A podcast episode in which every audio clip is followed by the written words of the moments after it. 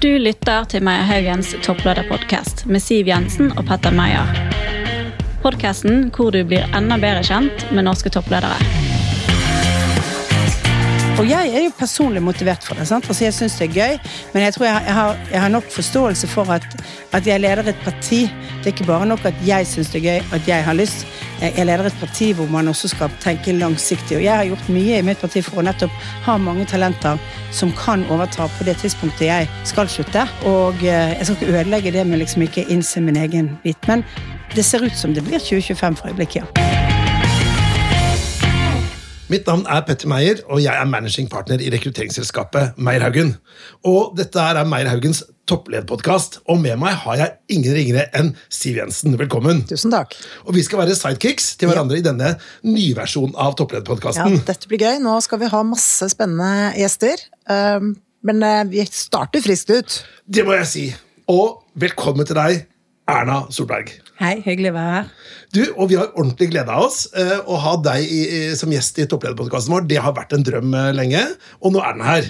Og eh, Vi har forberedt en god del spørsmål, og det er en del ting vi er ordentlig nysgjerrig på. Siv. Eh, Jeg personlig er veldig nysgjerrig på hvordan klarer Erna å holde staminaen og energinivået oppe etter å ha vært toppolitiker i så veldig mange år, og at hun har vært tydelig på at hun vil ha et comeback i 2025.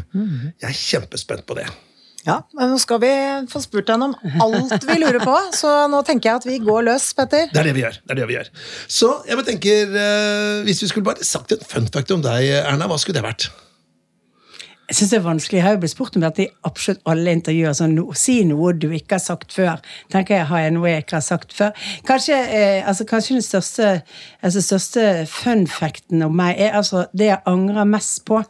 Det er at jeg var på fly når jeg var 18 år gammel med Bob Marley, og jeg turde ikke å spørre om autograf. Det er jeg grådig sur for. Ja, Ja. det er Ja, det er jeg helt enig i. Det litt, det er litt eh, kjipt. Er det noe angrer du på, eh, Siv? Altså, Jeg har dessverre aldri vært på fly med Bob Marley, men uh, jeg har jo aldri spurt Erna Solberg om autograf, da, så kanskje jeg skal gjøre det før hun går herfra i dag. Vi må prøve å få til det. Men hvis du skulle spurt om noe, Erna, da, altså, hva er favorittemaet ditt å prate om som ikke er jobbrelatert? Noe du kan prate om på inn- og utpust en hel dag? Hva skulle det vært? En hel dag tror jeg blir litt kjedelig, men jeg er glad i å prate om musikk. Jeg er glad i å prate om eh, eh, TV-serier. Glad i å prate om reiser. Egentlig er jeg glad i å Når jeg har fri, så er jeg glad i å prate om alt annet enn politikk. For det, de fleste vil veldig gjerne, og tror gjerne at vi vil snakke om eh, eh, politiske saker, og vil gjerne spørre. Og hvis jeg er i selskap, så, så blir jeg veldig lei av at folk skal begynne å mene eller si veldig mye, selv om de sikkert gjør det litt interesse. Det er litt sånn som leger, tror jeg, som eh, opplever at man nesten må stille diagnose på borddammen eller eh, bordkavaleren hvis du sitter i et selskap. Ikke sant? Ikke sant? Du, jeg tenkte vi skulle da eh, ha tre kjappe, som vi kaller det. Og Det er tre spørsmål, så vi bare stiller spørsmål nå, og så kan du tenke over svaret. Og dere som lytter, kan også tenke på hva vil dere svart. Og Det ene er eh, Du har jo rykte på deg til å ha en elefanthukommelse. Hvordan klarer du det? Er du husketeknikere, husketekniker, eller er det rett og slett bare medfødt? Det er det ene. Andre er, hvis du hadde blitt eh, stått fast i heisen med, eh, med, med Putin nå, eh, og det ikke var diplomater til stede, hva hadde du sagt inn? Og det tredje er, eh, nå går vi på mørkere tider, altså The Winter is Coming. Hvilke TV-serier vil du anbefale å ta en ekstra titt på? Så jeg gleder meg til alle de tre svarene. Men uh, Siv, Ja.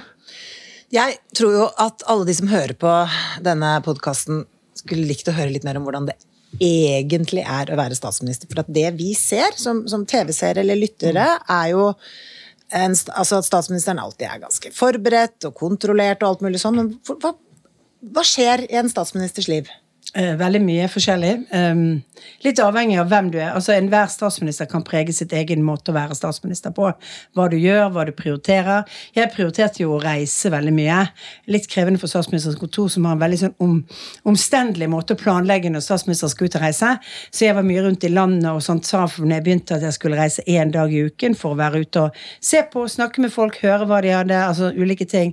Og det, de har jo De har jo noen som reiser på i fortropp, og så er det noen som går alle veiene. og alt mulig sånn. Det blir litt vanskeligere å ha full kontroll på alt det hvis du skulle reise hver uke. Eh, så, så det er litt forskjell hva du preger eh, hva, hva, hva skjer. Det, det viktigste på en måte er jo at statsministeren på den ene siden er den fremste representant for regjeringen og liksom skal lede arbeidet i regjeringen.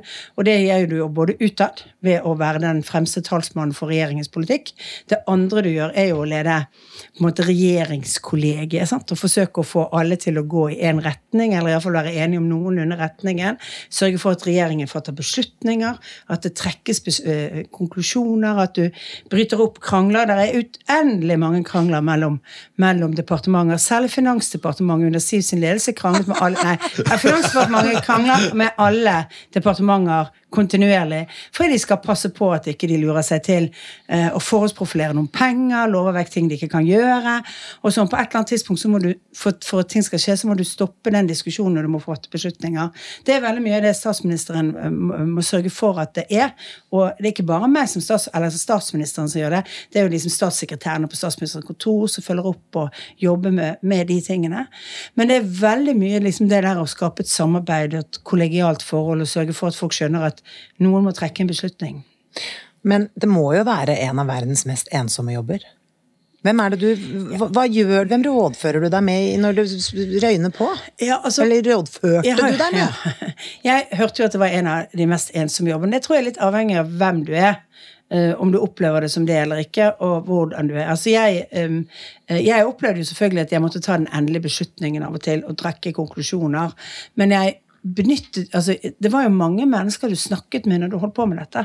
Eh, en ting er at eh, Siv og jeg selvfølgelig da hadde nært forhold for hun var finansminister, men også leder av det andre partiet som satt i regjering. Vi var nødt til å snakke mye sammen. Men det er også de som du jobber nærmest med som, på statsministerens kontor, men også de nærmeste ditt eget parti. Sant? Så det, du, det du, jeg bruker som metode, er å snakke med gjennom ting med folk. Eh, og så hører jeg deres motforestillinger, og så trekker du en beslutning basert på det. Og så må du stå i at den beslutningen har du trukket, og noen ganger går det galt, og noen ganger er det veldig riktig. Mm. Og så har jeg tidlig i min politiske karriere lært en ting.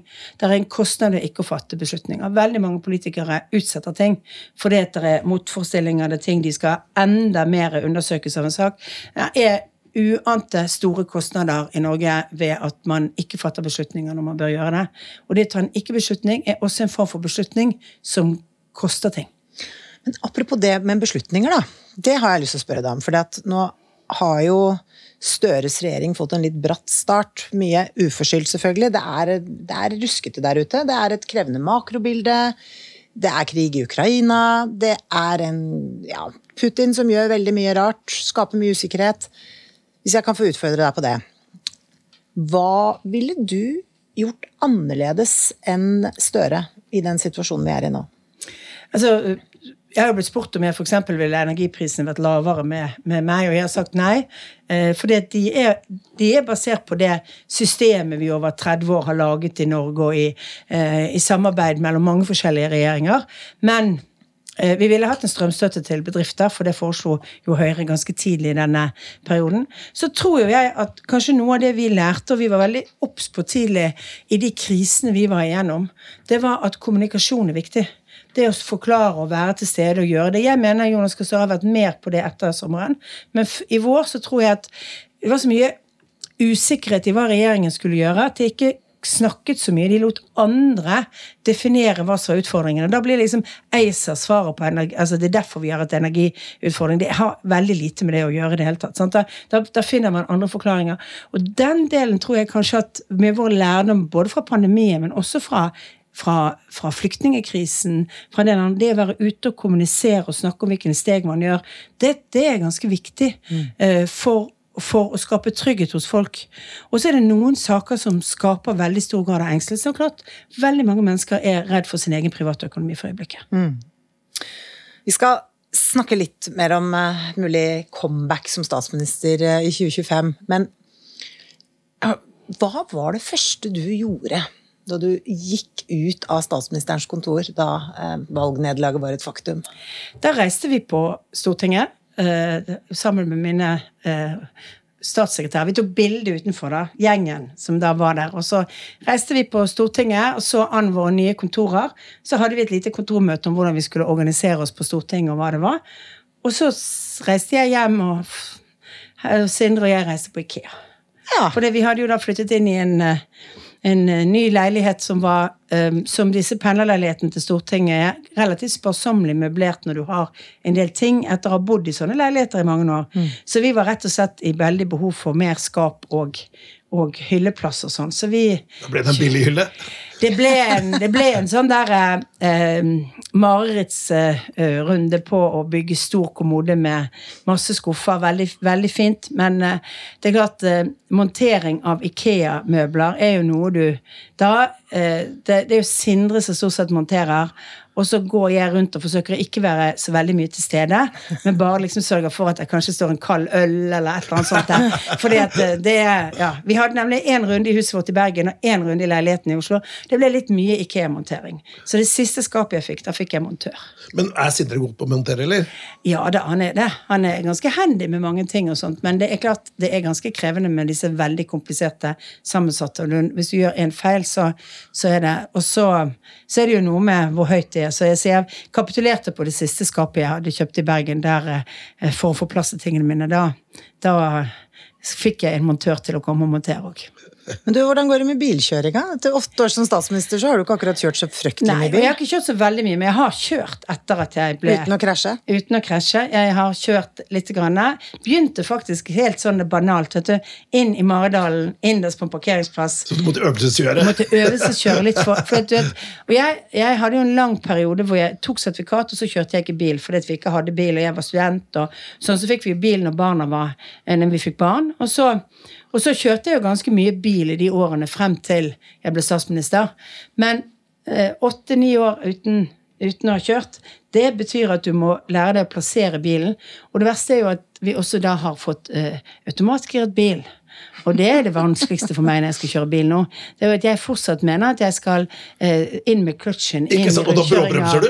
inn sånn, sant? Altså, jeg må jobbe. Sånn? Jeg husker, husker vi kjørte til opp og ned til eh, en sånn langhelg, så kjørte vi opp og ned, jeg kjørte opp og ned til Hvaler. Etter at jeg hadde prøvd meg inn i Maridalen først og sånn. Så jeg sendt ned og, og, og på en søndagstur. Og da hver gang vi kjørte inn i en rundkjøring eller noe sånt, jeg begynte å bevege meg for at jeg skulle begynne å gire ned. Du skal ikke gire! Du skal ikke gire, kom det fra passasjersetet til Sindre. Men det går bra med bilkjøring. Men fikk du ikke lov å kjøre bil da du var statsminister? Nei, altså det, det har jo noe med Ikke på ferie engang, liksom? Eh, Jeg kunne nok ha kjørt når vi var i, var i Spania, sånn, men du, du blir jo i, eller i Frankrike eller sånt. Men det blir veldig lite, og så føler du deg litt usikker, og så skal du kjøre på andre, land, andre veier med andre biler. Ja, jeg sånt. skjønner det. Så det. Men de liker ikke at statsministre kjører bil, delvis fordi de skal ha kontroll på statsministeren, selvfølgelig. Ja. Og for det andre fordi de altså, ikke, ikke skal komme i en situasjon. Ja. Ja. ja, ikke sant, Hvis du skulle krasje, så hadde det vært din feil. ikke sant? Ja, Og- sant? ja. Og masse sånn. Så de vil gjerne at du ikke kjører bil. Masse sikkerhet som man skal tenke Masse, på. og, og skulle jeg kjørt bil, så måtte jeg ha hatt en livvakt med. Når vi var på ferie om sommeren, så hadde vi livvaktene ofte kjørende bak oss, og så hadde vi bilen min kjørende bak der igjen. Mm. det er sånn, sant, for vi, hadde gjerne, vi ville gjerne reise på tur sammen og liksom ha litt fri. Så da var det noen ganger at jeg og Sindre kjørte vår bil, og så kjørte det en regjeringsbil, og så kjørte det en, en eh, eh, politi eller en, en eh, PST-bil bak meg. Og så på et eller annet, Fordi de må ha den bilen der i tilfelle de må gjøre, kjøre Skjer det noe, sant? så må du kunne kjøre statsministeren med en gang. Du kan ikke være avhengig liksom av at ja, Sindre er kjørbar, eller Så hvis det er head of state, da er det egne regler for det. Ja da, det er det. det. er. Men det må jo gjøre noe med deg også, eh, tenker jeg over tid. Og du er jo den Nå blir det, sjette lengstsittende statsministeren i Norge. Du har sittet i 2920 dager.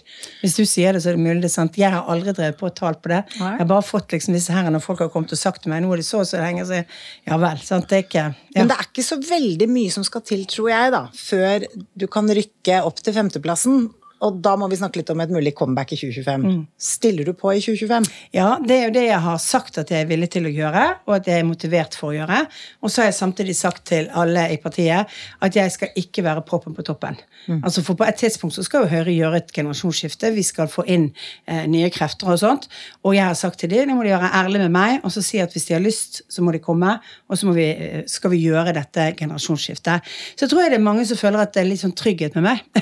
altså også i eget parti. Og vi gjør det godt på meningsmålingene, og hadde det gått veldig dårlig, så kanskje det hadde vært litt sånn nå må vi tenke nytt. Men jeg tror eh, Og jeg er jo personlig motivert for det. sant? Altså Jeg syns det er gøy, men jeg tror jeg, jeg, har, jeg har nok forståelse for at, at jeg leder et parti.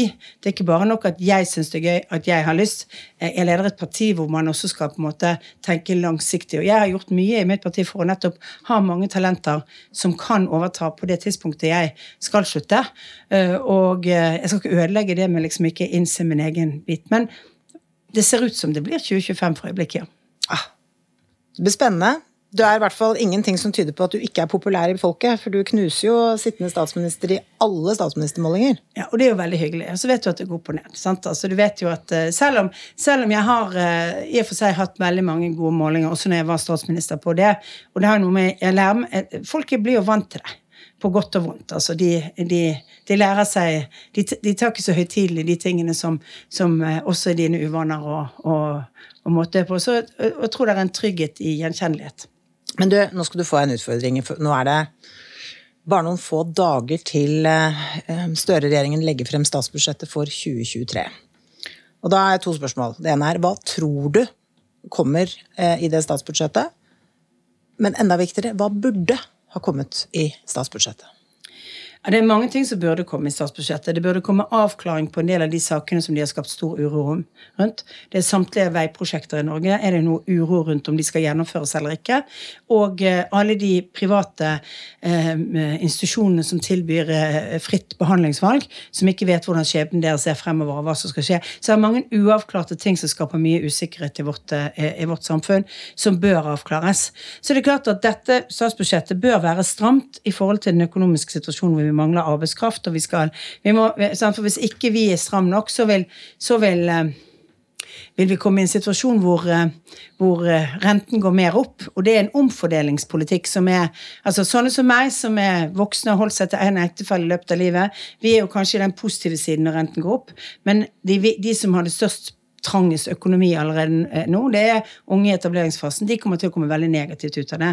Så det er vårt sånn kortsiktige ansvar. Så vet vi jo ikke hvor mye de innstramningene som er gjort i renten, og hvordan den internasjonale økonomien kommer til å påvirke. Så om et halvt år så kan vi kanskje være i den situasjonen at det ikke var nødvendig å være så stram som, som, som vi nå tenker. Men jeg tror det er viktig å ikke Da er det lettere å slippe opp da enn å slippe opp nå. Eh, Og derfor tror jeg det må være stramt. Og så, er, så hører jeg jo hva de sier. De sier at det skal bli et stramt budsjett, de skal bruke mindre oljepenger. Men det er viktig å huske at eh, og de har 100 milliarder kroner mer i utgifter, sier de. De sier ingenting hvor mye mer i inntekter de har. Og så er det viktig å huske at det ligger nesten mellom 25 og 26 milliarder koronapenger i årets budsjett.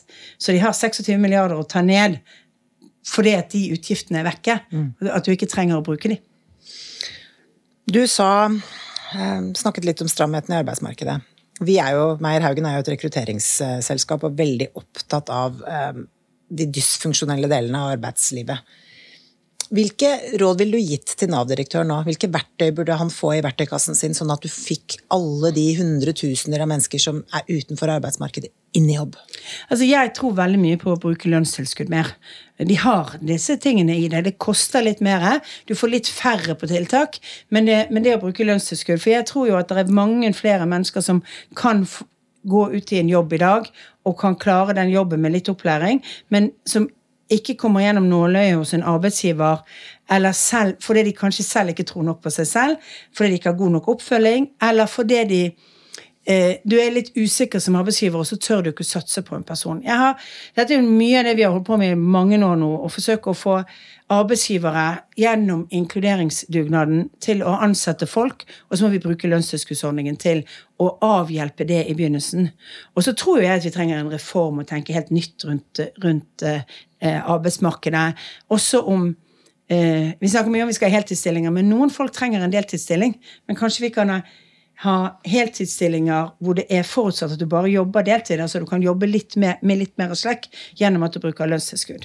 Det er den ene tingen. Den andre, hvis vi kommer tilbake til hva jeg håper det kommer, det er en kraftfull satsing på i budsjettet på, på en videregående opplæring for voksne. For det er også det andre. Det er flere som må få fagbrev. Det er flere som må, må fullføre videregående nå. For det er mange av de som står utenfor, de mangler også et utdanningsnivå som gjør at de er relevant for arbeidslivet i dag. Men mange av de kan på ulike måter lære. Og der eh, har jo vi vedtatt i Stortinget etter den største skolepolitiske reformen som er vedtatt på mange, mange år, nemlig at vi skal ha rett til å fullføre videregående opplæring. Mm. Men du må jo endre videregående opplæring for å få det til. Mm. Jeg jobbet jo i Arbeidsdirektoratet i, i ni år eh, i begynnelsen av min karriere, og jeg må jo si at eh, da var det sånne høykonjunkturer som er nå. da. Kommer du ikke deg i jobb nå, så er det veldig vanskelig å komme tilbake. For nå er det, det 1,6% arbeidsledighet. Så, så det, er, det, er, nå du må liksom få ut den gjengen som alltid har slitt med å få Jeg hører folk som jobber i hotell og restaurant. altså Du kan jo komme inn rett fra gata og gjøre din jobb, men det er ikke folk. ikke sant? Så Det er liksom utfordringen der. da. Ja, Det er jo mangel, og det er jo veldig feil tidspunkt å, å, komme med endringer som gjør at du forbyr bemanningsbyråer og innleie i deler av arbeidsmarkedet. Det, er det syns jeg er helt håpløst. og det, jeg tror jeg Et av problemene til dagens regjering er at de, eh, de utformet noen svar på noen utfordringer som var for fire år siden, og så skal de gjennomføre det nå når, når økonomien er helt annerledes. Eh, det tror jeg er problematisk. Men jeg tror jo også at eh, mangelen på arbeidskraft knytter seg også til kompetansen folk har. Og vi må investere mer i å gi folk kompetanse. Men jeg tror ikke at du kan sende alle tilbake på en vanlig skolebenk. Du må gjøre dette i samarbeid med arbeidslivet, sånn at du får denne muligheten til å kvalifisere deg gjennom å være i jobben. Uh, og det uh, og jeg tror det er veldig mange arbeidsgivere som vil være med på å gjøre den typen, den typen ting og lage, lage tiltak som er det. Men det er jo litt dumt at regjeringen er så opptatt av å ikke ha private løsninger at de forsøker å stoppe en del av de tiltakene som faktisk er veldig bra. Mm. Jeg tenkte vi skal gå til dette med topplederskap, jeg, eh, Erna. Så jeg tenker um, Det klassiske spørsmålet i topplederskap Kan en toppleder lede hva som helst, eller må du ha fagkunnskap innenfor det temaet du skal lede? Jeg tror ikke at en toppleder kan lede hva som helst. Jeg tror en toppleder kan, selvfølgelig hvis det er stor nok organisasjon, rekruttere nok folk rundt seg som kan de tingene som ikke, som ikke, du selv kan. Og hvis du er kanskje en veldig stor organisasjon, så kan du gjøre det. Men jeg tror du må ha en kjerneforståelse av hva som er hovedoppgavene til det selskapet du driver med, den sektoren du er i, og ha en forståelse for det. Eh, det Eh, jeg tror mange, hvis du er en god toppleder, kan flytte mellom ulike jobber og ulike sektorer. Men jeg, jeg tror du skal liksom ha en viss sånn kjerneforståelse av ting eh, for å få det til å kunne gå. Men Ebert, jeg bare, i hvert fall dere som har jobbet da i, i politikken, da. hvis du er statsråd, så må du hoppe fra departement til departement. Og det er vel ganske en sånn utfordring. ikke sant? Du kan være, Om ikke akkurat finansminister, så står du ganske støtt, og også statsminister. Men du har vært kommunalminister, og skal man hoppe over til å bli f.eks. innen arbeid eller kultur? altså det, De byttene skjer jo hele tiden. Hvordan er den utfordringen, da? Altså Jeg mener at det var en fordel for meg når jeg var kommunalminister, at jeg hadde jobbet mye med de sakene og sittet i komiteen når jeg ble det. Jeg tror det også uh, gjorde at jeg fikk til mye mer som kommunalminister, fordi at jeg hadde en agenda når jeg kom. Jeg hadde sittet og jobbet med forslagene. Vi hadde gjort mye rundt den typen ting. Så jeg tror det er en fordel at du har kunnskap. Og så er det klart at som politiker så har du, du har et embetsverk som kan alt det faglige. Som politiker er litt av jobben din også å være god på å se hva er politikken i dette, hvordan kan du dra det igjennom. Men jeg tror ikke jeg ville valgt en fiskeriminister som ikke hadde skjønt så mye av fisk. Altså, Eller en sjef for høyere utdanning som ikke kan så veldig mye om høyere utdanning. Er det ikke, er det, ikke det man har i dag, da? Ja, men altså, eh, Henrik Asheim har jo heller ikke så mye høyere utdanning, men han var en veldig god minister for høyere utdanning, selv om han ikke hadde så mye. Men han, for, han, for han var opptatt av forskningspolitikk og utdanningspolitikk. Ja. Og det er viktig. Du kan som politiker trenger du ikke ha en fagutdanning i, i området, men du må ha vært opptatt av de temaene, og du må ha jobbet og, og, og forstå temaene du går inn i. Ja. Men der har du jo et der, det, der er det jo den gruppen med folk rundt deg som er så solid og kan så mye. Men er du svak selv på fagligheten, så er det jo lettere for et embetsverk å styre en statsråd. Så du må være klar over mekanismene rundt deg.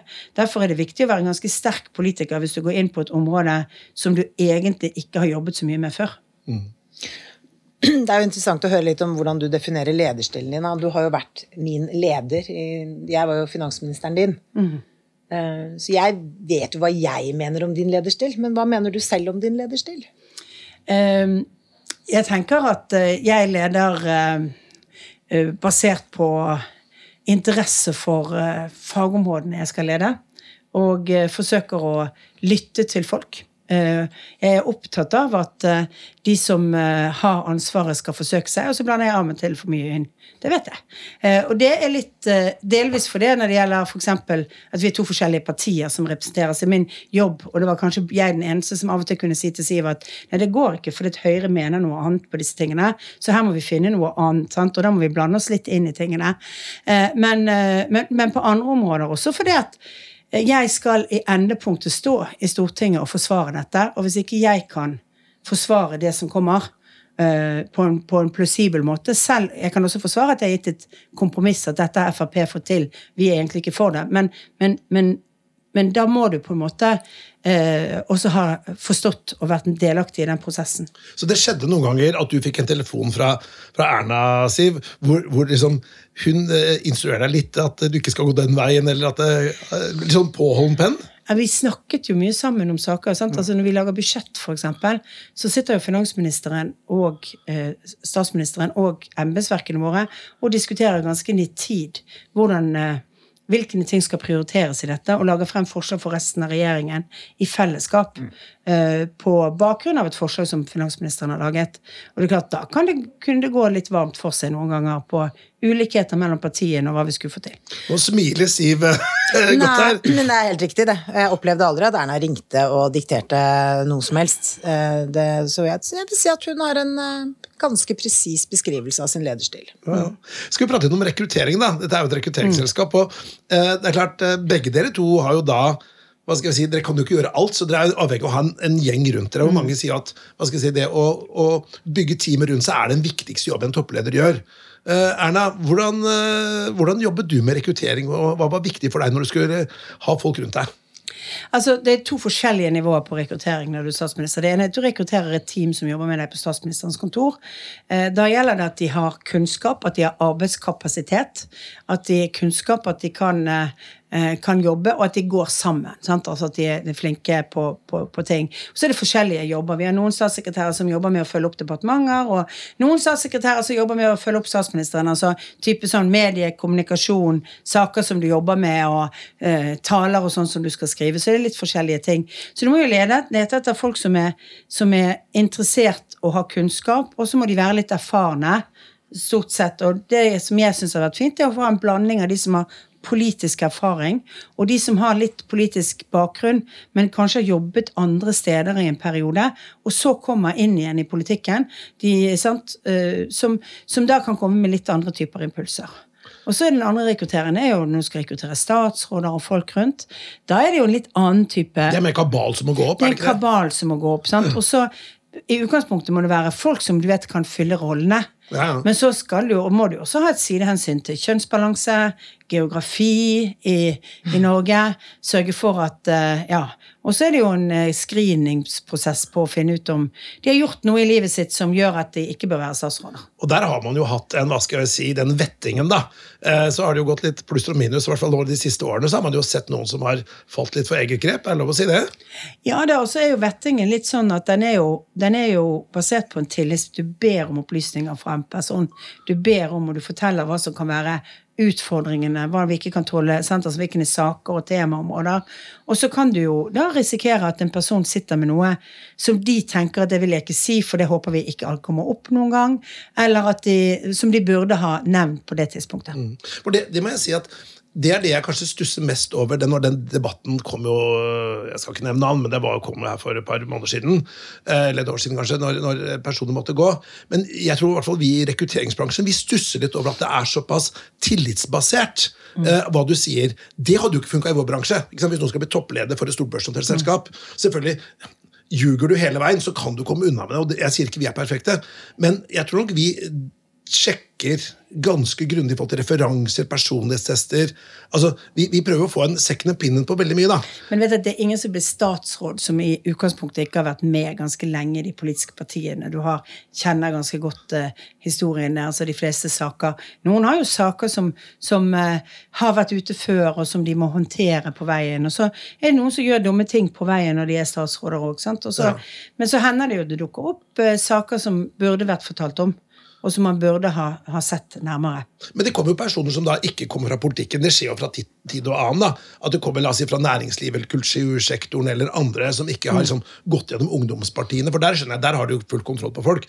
Men uh... Det var rare at du har jo ikke full kontroll for det. Altså Noen av disse sakene, særlig sånn metoo-sammenheng, det ville du ikke oppdaget i en vetting på noe som helst tidspunkt. Mm. Fordi det er noe som har foregått mellom to mennesker ja. som, som, uh, som først kommer til ut Eh, til overflaten. Kanskje når det provoseres ved at noen er blitt statsråd. Ja, ikke sant? Å, dette kunne vi prata mye om, og det skal vi ikke mhm. gjøre. Jeg tenkte vi nå skal prate litt mer om kanskje personlighet. Ja, la oss gjøre det. Uh, og dette med personlighet er hvert fall viktig rekruttering, og det er viktig generelt. Så det vi tenkte vi skulle gjøre nå, er eh, det jeg pleier å Når jeg intervjuer toppledere, da, ikke sånn uh, intervju på medier, men i rekrutteringssammenheng, så er det tre spørsmål jeg liker å stille mm. da. Uh, så hvis du kunne bare beskrevet, Erna, hva vil du si er de, de dominante personlighetstrekkene dine? Og så kan du også si sånn Hvilke personlige egenskaper er jeg egentlig ganske godt fornøyd med at jeg har. Og så kan det være noen personlighetstrekk du tenker åh, du, jeg skulle gjerne justert litt på det. Og tenk litt både hva du tenker selv, men også hvilke tilbakemeldinger du har kanskje fått fra, mm. fra venner og familie opp igjennom. Så ja. reflekter litt rundt din egen personlighet. Det er litt spennende. uh, jeg er jo uh, altså jeg er jo en ganske rolig person på mange områder. Jeg blir, hvis jeg blir irritert, så blir jeg litt sånn snappy kort, og så er jeg ferdig med det. Ja. Eh, altså sånn, Det kan du si både positivt og negativt. sant? Altså, øh, øh, og alle har sine gode og dårlige, øh, dårlige saker. Jeg tror jo at jeg Jeg er ganske tålmodig. Det er noen som vil si at jeg ikke er så tålmodig, men jeg er ganske tålmodig i enkelte situasjoner. Men, hvis du, hvis du, men, men det går også en grense for meg på den derre når folk har pratet lenge eller snakket rundt grøten og ikke vil komme til, til biten, så, så, kan jeg også være litt sånn brå. Det er kanskje, jeg pleier å si at Mitt bergenske personlighetstrekk er jo at jeg er ganske direkte. Det er kanskje den tilbakemeldingen jeg har fått mest på. Altså, Østlendinger er jo mer sarte. Det sier jeg alle intervjuer.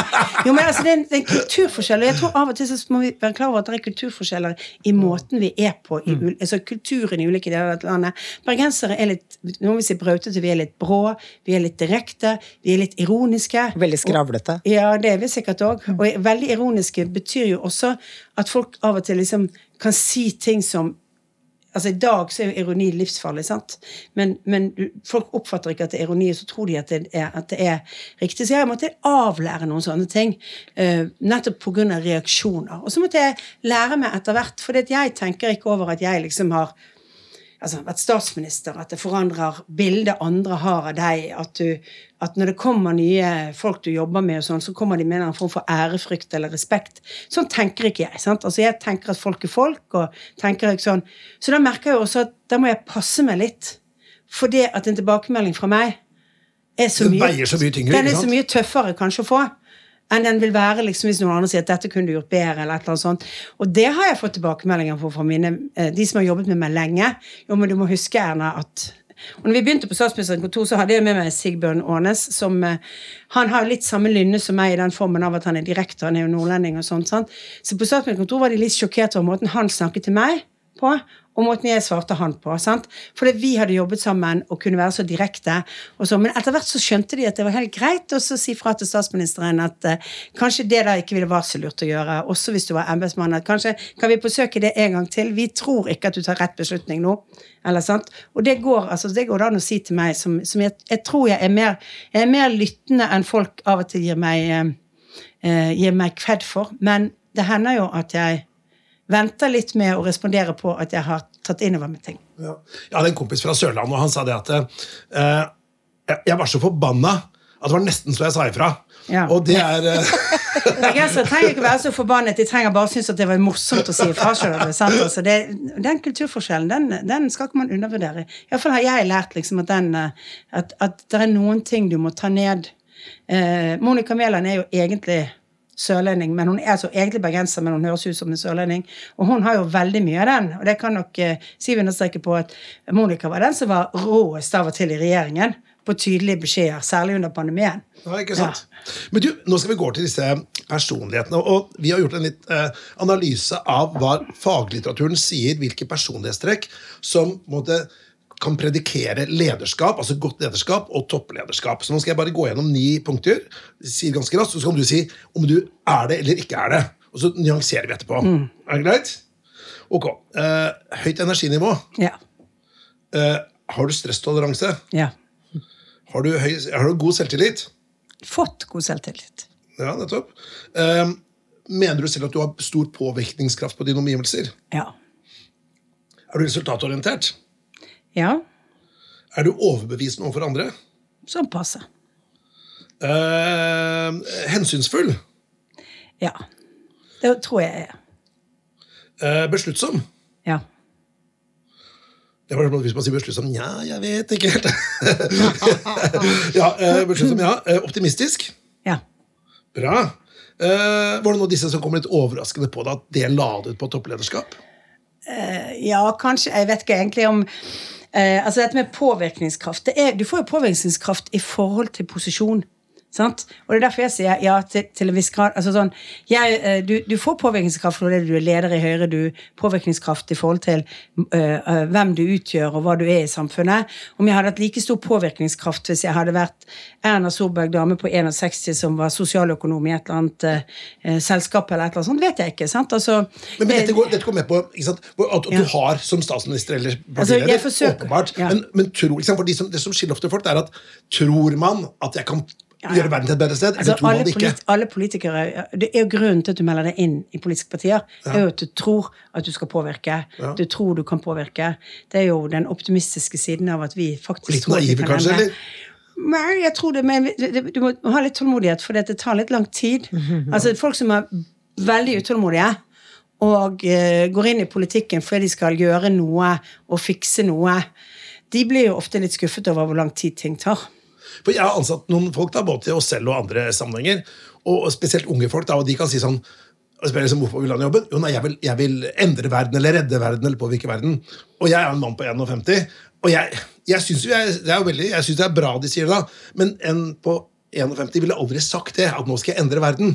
For det kan høres kanskje litt naivt ut, eller litt sånn uh... Men Erna 16 skulle redde verden, vet du. ja, ikke det var sant? jeg Og Petter 16 også skulle kanskje gjøre Ja. det, ikke sant? Ja. men ikke Petter 51. Det var Ja, ja, det ja, ja, jeg jeg, tror jo fortsatt at det er mulig å redde verden, da, men Ja. eh, Ja. Det tar bare litt lengre tid. det tar bare litt lengre tid. Ja. Og krever litt mer enn én person. Ja. Men du, eh, nå har vi fått litt innblikk i deg som person, da. Men nå skal vi til det vi har håpa på kanskje blir en, eh, en sånn spesialspalte, Siv. ja. ja, det er jo Jeg skal prøve å bore litt mer inn i ting, men altså, det, er mange ting. Det hadde vært interessant. Jeg kjenner deg jo godt. Jeg skal, jeg skal ikke gå til sånne intrikate ting, men én ting. Er det egentlig altså Nå sitter jo jeg og observerer politikken fra utsiden, som de aller fleste folk gjør. Er det egentlig så veldig stor forskjell på Arbeiderpartiet og Høyre? Ja, på retningen på en del av politikken. Og det er viktig å huske at å være konservativ politiker, det betyr annet at du tror på skrittvis utvikling. Det betyr at du, med det utgangspunktet man har i dag, så tror du at verden kan bli bedre, og at det skjer skrittvis. Ikke mellom voldsomme omkastninger på, på, på kort sikt. Det er liksom et ideologisk som fundament, at det dreier seg om både personlig og økonomisk og utvikling, og det går stregvis fremover. Så det er jo noen utviklingstrekk som går i feil retning, etter min mening, med det Arbeiderpartiet gjør. Det gjelder i forhold til hvordan de regulerer arbeidsmarkedet for øyeblikket, det gjelder i forhold til eh, holdningen offentlig-privat, hvor vi tror at innovasjon, nyskaping og alt det kommer ut av at du også har private utfordrende alternativer og sånn. Sånn vi har jo ganske store forskjeller på noen av disse langsiktige eh, på de langsiktige spørsmålene. Men det er, sånn at, det er også sånn å være konservativ, så er du opptatt av en viss grad av kontinuitet. Og det er klart når vi har utviklet eksempel, la oss ta den største debatten vi har nå, sant? et energisystem som har tjent oss godt i, i 30 år, så hiver vi ikke det over båten, men vi sier vi kan kanskje reformere det. Det er områder her som er blitt annerledes. Og sånn. Og det er nok, eh, det er nok forskjell i hvilken retning vi tar. Jo da, men ikke sant, det er litt sånn ja vel, Arbeiderpartiet vil skru skattene litt opp, og Høyre vil skru skattene litt ned. Eh, Men mange av de store reformene som har gjennomført i Norge de siste 50 årene, har jo blitt til gjennom et kompromiss eller et samarbeid mellom Høyre og Arbeiderpartiet. Absolutt, fordi vi er de to største partiene tradisjonelt. Det var noen år du klarte å slå meg, men eh, stort sett så har vi vært eh, de to største partiene. Og vi har vært opptatt av den kontinuiteten og utviklingen. For eksempel, noe av det som virkelig har tjent oss mye, er det kompromisset som ble gjort under Willoch-regjeringen eh, mellom Arbeiderpartiet og Høyre i og for seg, knyttet til å begrense Statoil sin den gangen sin, sin makt økonomisk og innføre direkte økonomisk engasjement på feltet, oppdrette Petoro, altså gjøre disse endringene, som har gjort veldig mye for, for det som høyresiden oppfattet som veldig utfordrende, at du hadde et selskap som ble en gjøkunge i hele økonomien vår, hvis, hvis Statoil hadde all makten på dette, og, og samtidig som vi har fått bedre kontroll.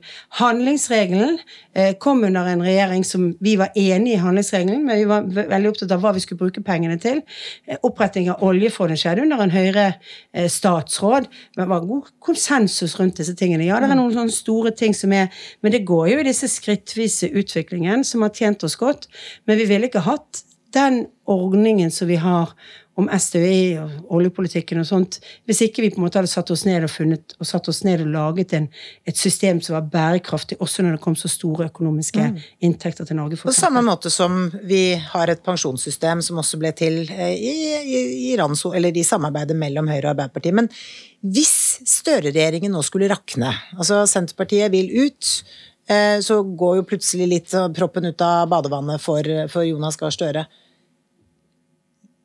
Kunne han komme til Høyre i Stortinget og styrt videre med støtte fra Høyre? Hvem tenker du på? Jonas? Ja. Eh, nei, altså det tror jeg ville vært vanskelig at han skulle gjort. Og så er det jo, han ville jo hele tiden møtt et flertall som da inkluderte Senterpartiet, hvor vi hadde hatt muligheten. altså i så fall, altså Det er jo sånn at det er et flertall mellom Høyre, Frp og Senterpartiet i Stortinget også, som hadde gjort det mulig liksom å gjøre andre, andre saker. Så, så spørsmålet om, eh, om hva som hadde skjedd da, det som er utfordringen vår i dag, er jo reelt sett at eh, Stortinget er fikst frem til 2025 med den balansen som er. Og så må jo da eh, Så egentlig vil da Senterpartiet sitte på vippen for å si hva vil dere i så fall gjøre? Altså hva vil de i Senterpartiet gjøre av retningsvalg, og hva de vil mene er viktigst å gjøre noe med? Så, så det ville blitt en annen politisk situasjon, og vi måtte jo ha diskutert det med alle partier, inklusive Senterpartiet. Er det sånn at Senterpartiet vil være et støtteparti for Arbeiderpartiet eller ikke? Og Men hører alle jo, jo- hører jo muligheten her for en veldig annerledes koalisjon, da, hvis alt skulle gå helt galt. Ja, men jeg tror ikke at det er spesielt aktuelt. Eh, eh, Senterpartiet har gått veldig tydelig til valg på å være imot det Høyre står for. Og, og det da, Men jeg holder Senterpartiet litt utenfor jo, denne men, kabalen. Altså. du må huske, du må huske at det er det alternativet. Senterpartiet er vippen. Hvis Senterpartiet vipper et annet sted, eh, så åpner jo det for en annen type politisk debatt i Norge, hvor du finner helt andre typer kompromisser om saker. Eh, Og det er jo en sak som vi vil i Høyre måtte sette oss ned og diskutere. Kan vi, hva vil vi på en måte få mest gjennomslag for våre politiske saker med? Sant? De som er viktigst for oss. Men du, på et senere tidspunkt så kommer Nav-direktøren hit. Det er jo også en person vi gleder oss til å snakke med. Men da vil jeg tilbake til noe av det jeg spurte om i stad i forhold til det arbeidsmarkedet. Fordi det du sa, var at vi skal bruke enda litt mer i lønnstilskudd, eh, og så må vi jobbe enda litt mer med inkluderingsdugnaden. Men helt ærlig, Erna, hvor vellykket var egentlig den inkluderingsdugnaden? Hvor vellykket var egentlig dette prosjektet med hull i CV-en? Jeg mener at det var veldig vellykket for å få til oppmerksomhet rundt spørsmålet. For å få fokus på det. Men det viktigste er jo at du følger opp også med de pengene og de systemtingene som trengs. Derfor henger jo dette sammen med at vi skaper en videregående skole som er fleksibel nok til å kunne hjelpe.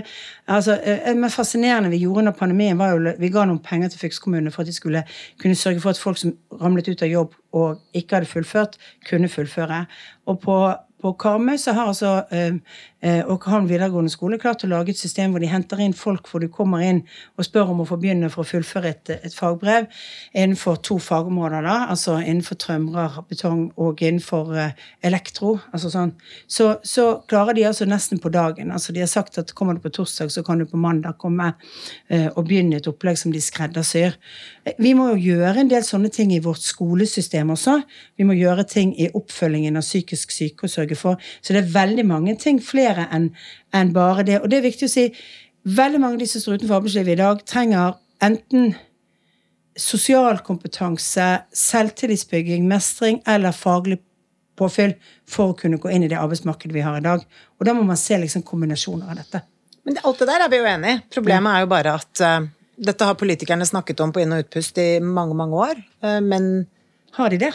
ja, jeg vil si det. Ganske mange år så har man jo diskutert hvordan man skal løse dette utenforskapet. Men eh, det blir jo stadig flere i denne gruppen. Ja, nå får vi jo se da. Det er 5000 flere som har gjennomført eh, videregående skole i løpet av de siste årene.